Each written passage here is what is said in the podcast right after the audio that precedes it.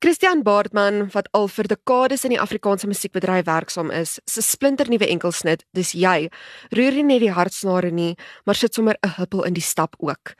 Christian kuier vandag in Marula Media se ateljee om bietjie oor die nuwe enkelsnit te gesels. Welkom hier by ons. My genade, jy laat my so oud klink. Dekades, jong, daar so toe ek in Paul Creer in 1986 aso oor ek die berge van Tafelberg geloop het. Nee, maar wel, dankie. Dankie. Is lekker om hier te wees. Lekker hierso by die Voortrekker Monument. Hoe cool is dit nie, hè? Jy het die skrywerspen vir dis jy vasgehou. Vertel my waar het die inspirasie daarvoor vandaan gekom en hoe het die liedjie se interessante klank ontstaan? Jong, dit is so cool. Ek het onlangs 'n dametjie ontmoet en toe hals oor kop verlief geraak op die dametjie. Ek het net vir die eerste keer besef ek kan nog verlief raak. Jy weet, as jy ouer raak, ek sê nou nie ek's ancient nie, maar jy weet, ek en Paul Creer stap ons nou op pad. Dan raak dit moeilik om verlief te raak. Want jy raak 'n bietjie verbuig deur die geskiedenisse ervarings, jy weet. En dan op 'n stadium ontmoet jy iemand en dan uit die bloute uit is al daai emosies weer terug. En jy is van voor af verlief. In die skoenlappertjies kom jy so in die aande en jy jy het 100 WhatsApp boodskapies wat in 'n dag deur en weer beweeg. Toe besef ek ek wil graag 'n liedjie hoor skryf. Toe skryf ek nou, dis jy en dis jy gaan daai verliefdheidsgevoel wat jy het wat net is so oorweldigend dat jy voel dis net jy, dis net daar's niemand anders nie. Jy weet, ongelukkig het die verhouding nou nie uitgewerk nie. Maar die idee van die emosie wat mens nog kan voel is so relevant en so dit was so 'n lekker gevoel gewees om te weet dat daai emosie is nog toeganklik vir my. So dis vir my so spesiale liedjie want dit is regtig 'n diep 'n menslike emosie wat my net herinner dat dit is nog deel van wie ons is as mense en dit is 'n groot en belangrike deel van wie ons is as mens. Dit was so 'n lekker proses geweest. So normaalweg, die van julle wat nou nie weet nie, musiek word baie sinteties deesdae vervaardig. So al die instrumente is is is eintlik digitaal. Die 60er jare het hulle het hulle mos synthesizers begin gebruik. Dis elektroniese instrumente wat klink soos ander instrumente. En dit is op die oomblik die norm. Wat ons gedoen het met hierdie liedjie, ons het letterlik gegaan en gesê ons wil graag so organies as moontlik doen. So dit was so organies geweest, ons het nie eens 'n klik trek gebruik nie.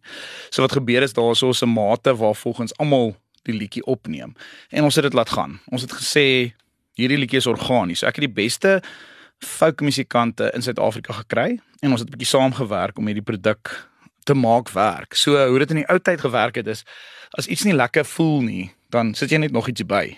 Waar in die moderne manier van musiek maak haal jy weg en jy probeer iets vetter maak of groter maak. Maar in die ou dae het jy bygesit tot dit sin maak. So ons het hom baie gedoen soos wat jy musiek in die 80s rekord het en ons het hom lekker vet en groot en organies gemaak. So daar's 'n bekvlek en daar's 'n mandolien en daar's ons gitare en ons het vir die beste musikante in die land. Ons het vir Jason Moser en vir Pieter Houven daar van die Kaap af wat op die ding speel en vir Sean Manley wat hom gemeng het vir ons. En ek het al die vervaardiging natuurlik self gedoen.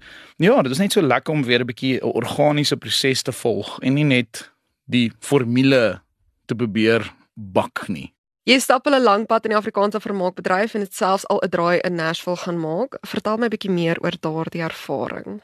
So ek as 'n liedjie skrywer is dit vir my nogals moeilik om in Suid-Afrika Ons het nie noodwendig 'n tribe in Suid-Afrika nie. Liedjieskrywers in Suid-Afrika is baie versprei. So daar's nie 'n regte kultuur van saamskryf nie. En ek het al van jongs af, vandat ek 12 jaar oud was, het ek van hierdie plek gehoor in Nashville die naam van Bluebird Cafe. En dit word genoem die Songwriting Church. Dis 'n klein restaurantjie waar lewendige musiek opgevoer word en die idee agter dit is liedjie skrywer kry al die respek en hulle is die fokuspunt. Vir ons Suid-Afrika as jy erns sing dan gewoonlik moet jy maar agtergrond wees. Jy kan nie te hard wees nie, jy moenie te weird liedjies sing nie. Die ou wat sy stytjie eet, maar net nie sy vrou kan hoor terwyl hy praat. Waar daarso gaan dit alles oor die liedjie skrywer. So hulle offisiële motto is Jy weet want as iemand sing, moet jy stil bly. Jy word letterlik uitgejaag. As jy twee keer gevang word praat terwyl iemand sing, word jy uitgejaag uit die plek uit. En dit was my lewensdroom om so te gaan om uh, gemeenskap van liedjieskrywers te ervaar. Jo, dit was die beste ervaring van my lewe en ek was nog 3 keer daar gewees. Die voorreg gehad om daar te sing ook. En dit is die plek waar Keith Urban ontdek is, waar Taylor Swift ontdek is. Dit is waar Elvis Presley en al daai manne opgeneem het. Jy weet, net so entjie verder in Memphis het jy die geboorteplek van van country rock musiek waar Elvis en daai ouens opgeneem het en die hele droom of die hele beweging begin het. Ek dink die impak wat dit het is om dis soos vir 'n rugby speler om op Loftus 'n game te kan speel. Jy weet dit was 'n soort van dieselfde gevoel vir my. En dit het my ontsaglik ge geïnspireer en besonder belaglike groot geleenthede gekry daarso. Ons so baie mense ontmoet. Life changing soos hulle sê in Engels. Vertel my watter boodskap wil jy graag deur jou musiek deel? Ek is swart sielkunde, spesifiek logotherapy van Viktor Frankl. Ons praat daaroor jou doel, jou skepingsdoel. So jy kry gewone sielkunde wat will to power is en ons praat van will to meaning. En alles wat ek doen in my musiek gaan oor jou will to meaning. Waarvoor is jy gemaak? Wat is jou skepingsdoel? So my vorige lied se naam was Moenie wag tot dit te laat is nie. Jy weet waarvoor is jy gemaak? As jy eendag wakker word en jy kyk terug na jou lewe, sal jy kan sê ek het die wedren gehardloop. Ek het gedoen waarvoor ek gemaak was. Of sal jy terugkyk en besef jy het 'n leë lewe geleef. En daai is natuurlik die basispunt van my van my musiek is ehm um, nie net my eie doel in my eie waarheid uit te leef nie, maar 'n spreekbeurt of 'n spreekbuis te wees vir ander mense. Ek het byvoorbeeld 'n liedjie geskryf so 3 jaar terug met 'n naam van my vrou en dit handel oor die troudag in die man se perspektief. Want mans word so maklik uit die troudag uitgehaal Jy weet ons gee nie om wat die verskil tussen pink en salmon is nie. Ons wil net weet wat die blomme gaan kos. En dan stelselmatig word jy heeltemal onttrek van die troudag. En ek het juist daai liedjie geskryf sodat 'n man kan voel, okay, ek is ook deel van hierdie dag. Hierdie gaan ook oor my en hierdie gaan oor my emosies teenoor my vrou, my toekomstige vrou wat voor my staan. So ek dink dis die basispunt van my musiek is om regtig 'n bietjie van 'n spieël te wees teenoor die goeie dinge in die lewe. Jy het ook al 'n kinderalbum op jou kerfstok van waar die passie vir kindermusiek. Soos dit mens ouer raak, uh, begin jou vriende kinders kry. Dis blykbaar 'n biologiese aanhitsingspunt. En so het my beste vriende ook nou kinders gekry en ek was ook toe nou 'n bietjie ontstel deur die die hoeveelheid sintetiese musiek daar buite vir kinders. Niks teen dit nie, dit het sy plekkie.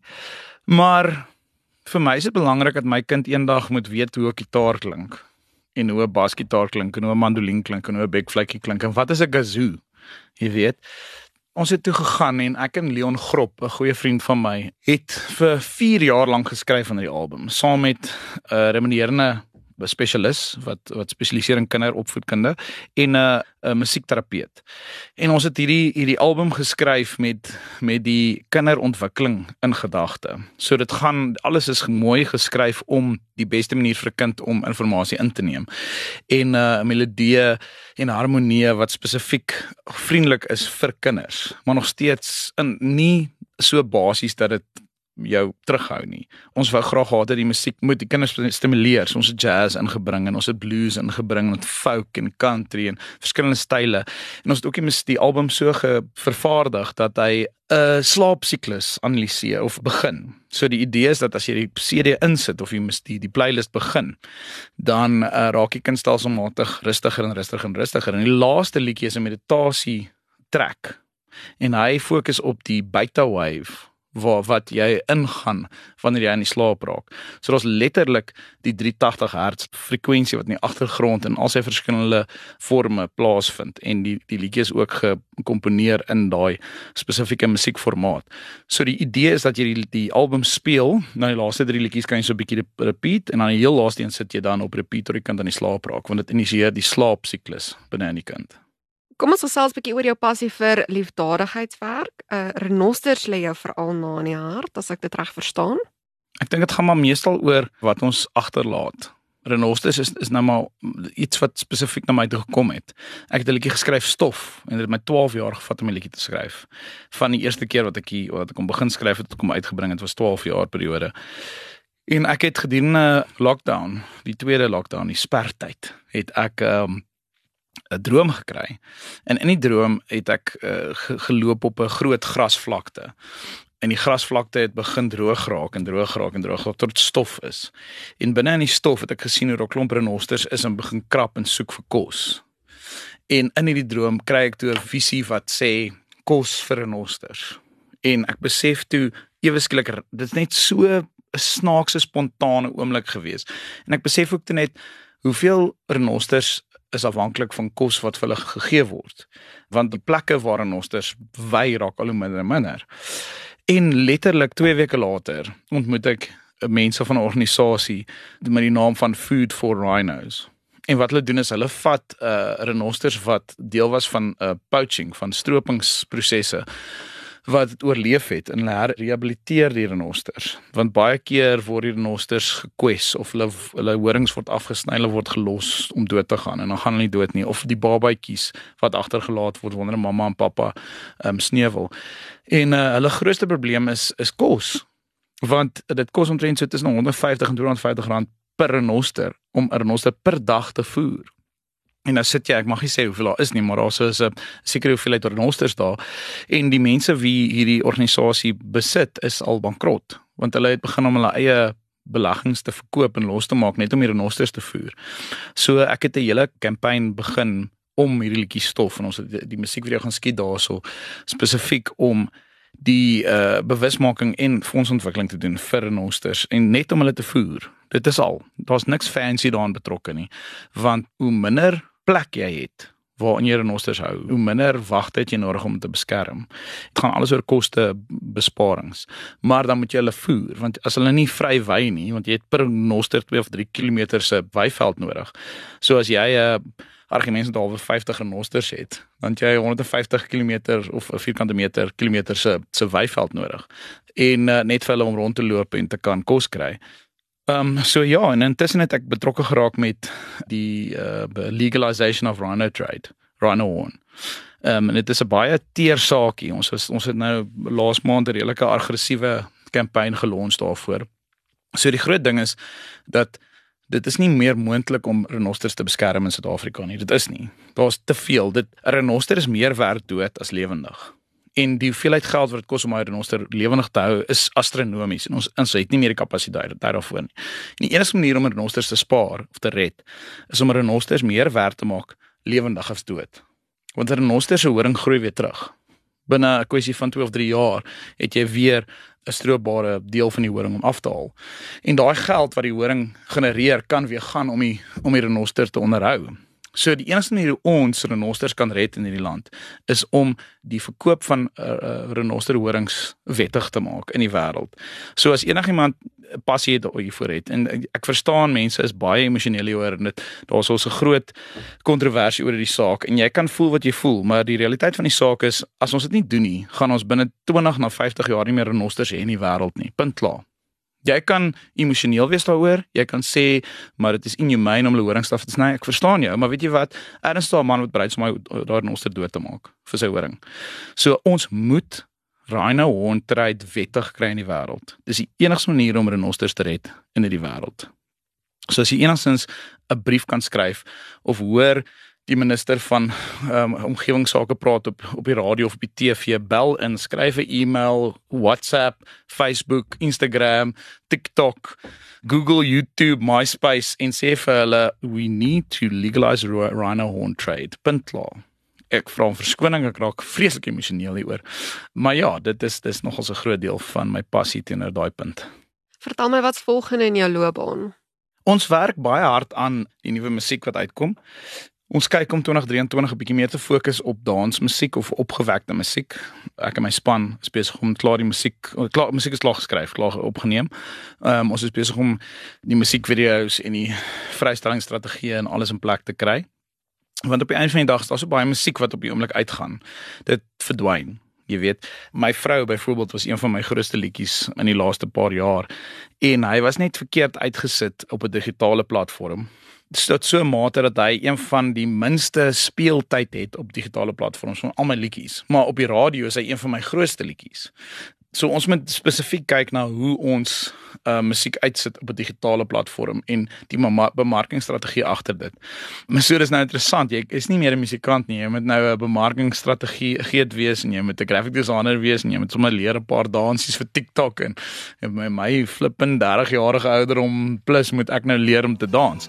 Maar die ding is belangrik, is ongelukkig is 'n musikant nie meer net 'n musikant nie, jy moet soveel baadjies dra net om jou musiek daar buite te kry. Dis jy, dis jy, dis jy, dis jy wat diep hier in my hart bly stry. As hoe gekom jou uit te kry, bly jy styf vaslou aan my, dis jy, dis jy, dis jy. Die koe het die die kat vlieg net daar, jy my hart gedief. Ja, Jakkals dans in die aansaans op die ritme van my polste jou Ek het liever stap my kop kop verlief. Ek is nou in die soop Dus jy, net jy, net jy. Wat hier diep in my hart kom blij Die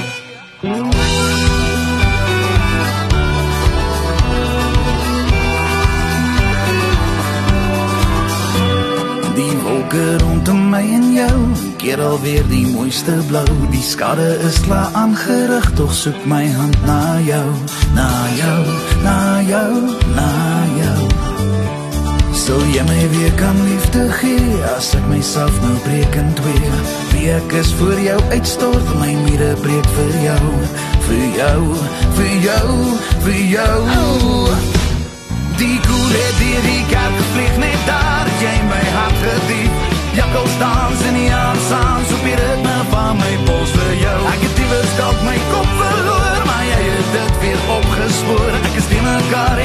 Oor kop verlief Ek is nou in die soop.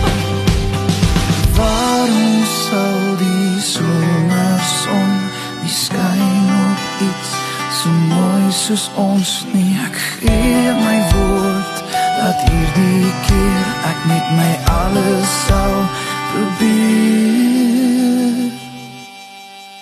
Want dis jy, dis jy Wat hier diep in my hart kom bly. Die koel het hier die kerk gevlieg Net daar het jy my hart gedief. Jakkels dans in die aansaans Op die ritme van my pols vir jou. Ek het liever dalk my kop verloor Maar jy het dit weer opgespoor. Ek is teen mekaar en hals oor kop verlief. Ek is nou in die soop